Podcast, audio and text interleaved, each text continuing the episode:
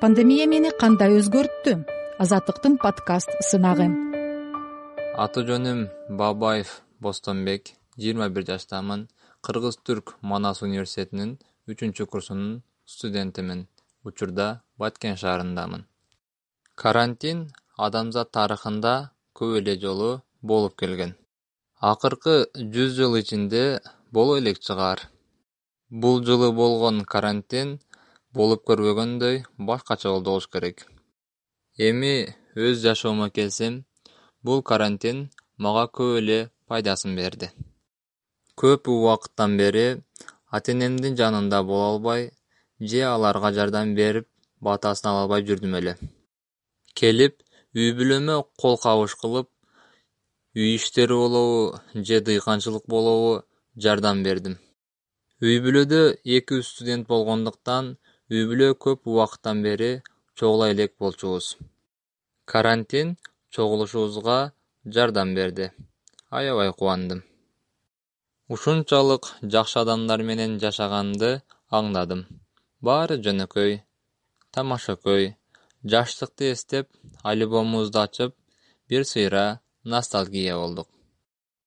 Убакыт аябай көп болуп көп ойлондум.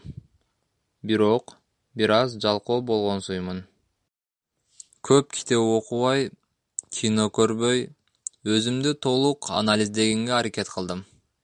Эмнеге шыктуумун? Эмнени жакшы кыла алам? Эмне кылсам өзүмдү бактылуу сезем. Кайсы иш аракет мени рахатка бөлөйт? Ушул сыяктуу суроолорго жооп издеп өзүмдү толук таптым десем жаңылышпаймын. Карантин менин өзүмдү табуума жардам берди.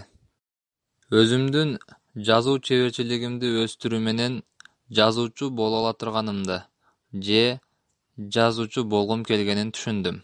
Ошол эле учурда жазуу менен чектелип калбай көркөм окуумду бир топ жакшырта алдым.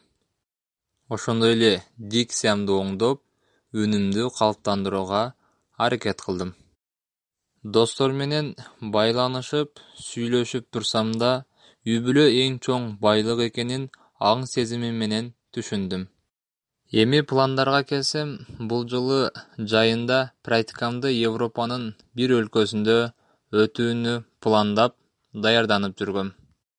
Марттын он сегизи өлкөбүздө алгачкы инсандар аныкталганда анча маани бербей бараарыма ишенип тургам бирок оюмду таш капты планым бир гана практика өтүү эмес европа өлкөлөрү менен таанышып кыялымдагы шаарларга барып досторума белек алып келүү менен аларды кубантайын дегем.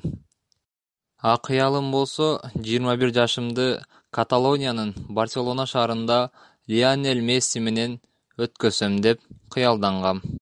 Бирок бул кыялдар быйыл орундалбаганы менен келечекте орундаларына сөзсүз ишенем балким лионель месси өз туулган күнүн мени менен өткөргүсү келип калат чыгар.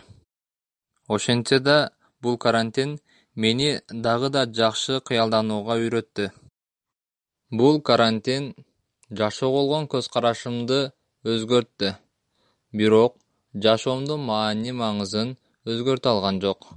Жашоонун мааниси бирдей эле.